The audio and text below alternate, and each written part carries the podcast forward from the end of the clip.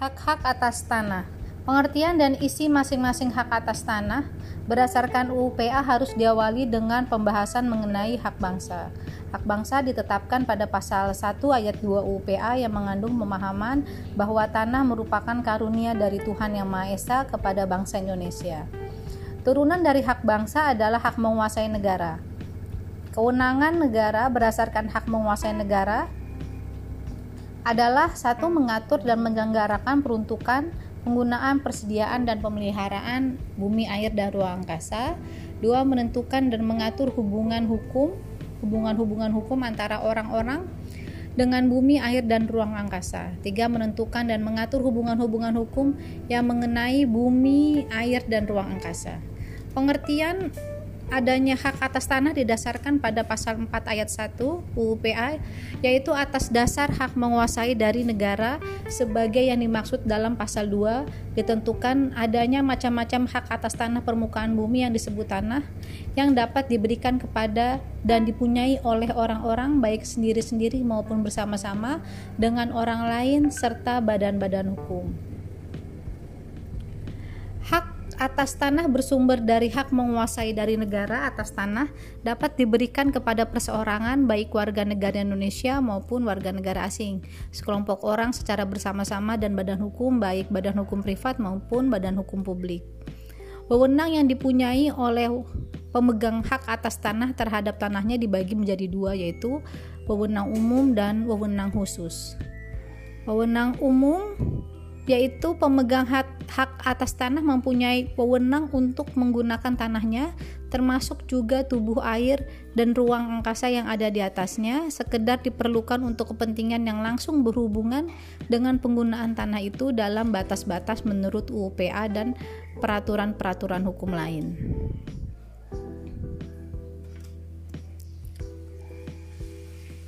Dalam wewenang yang bersifat khusus yaitu pemegang hak atas tanah mempunyai wewenang untuk menggunakan tanahnya sesuai dengan macam hak atas tanahnya.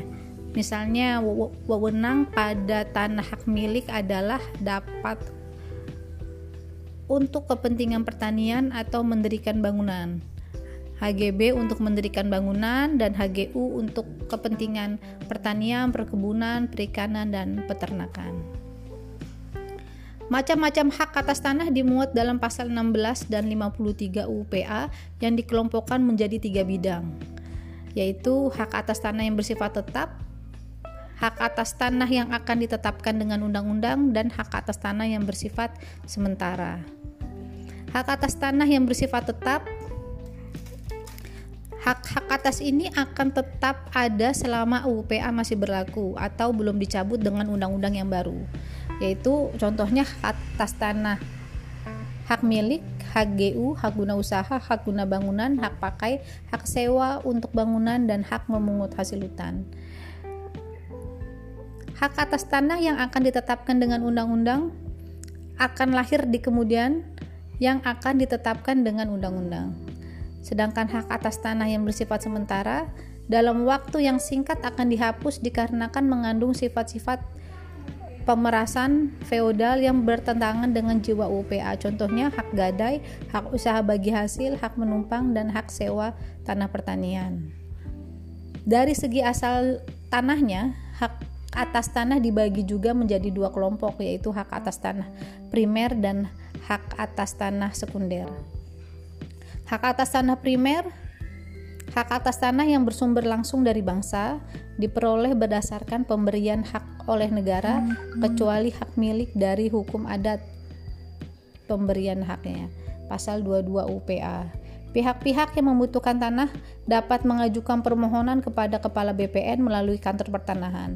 Pemberian hak tersebut dibuktikan dengan surat keputusan pemberian hak yang diberikan pada kantor pertanahan.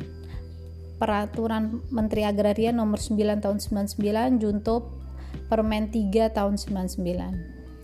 Hak atas tanah yang bersifat primer diberikan lahir pada saat didaftarkan pada buku tanah. Hak atas tanah yang bersangkutan oleh kantor pertanahan pasal 7 ayat 2, pasal 23 ayat 2, pasal 43 ayat 2 PP 40 tahun 96 yaitu hak milik HGU HGB atas tanah di atas tanah negara, hak pakai atas tanah negara. Hak atas tanah yang bersifat sekunder adalah hak atas tanah yang berasal dari pemberian hak, dari pemilik tanah berdasarkan perjanjian, yaitu HGB atas tanah hak pengelolaan, HGB atas tanah hak milik, hak pakai atas tanah hak pengelolaan, hak pakai atas tanah hak milik, hak sewa untuk bangunan, hak gadai, hak usaha bagi hasil, hak menumpang, dan hak sewa tanah pertanian.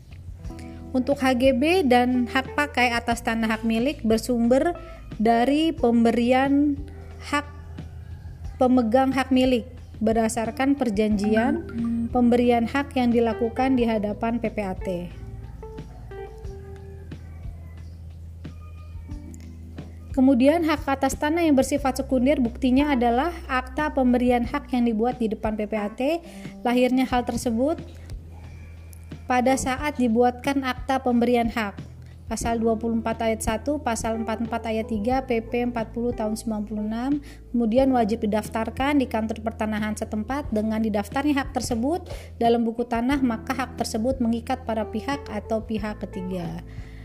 Pasal 24 ayat 3 Pasal 44 ayat 3 dalam PP 40 tahun 96.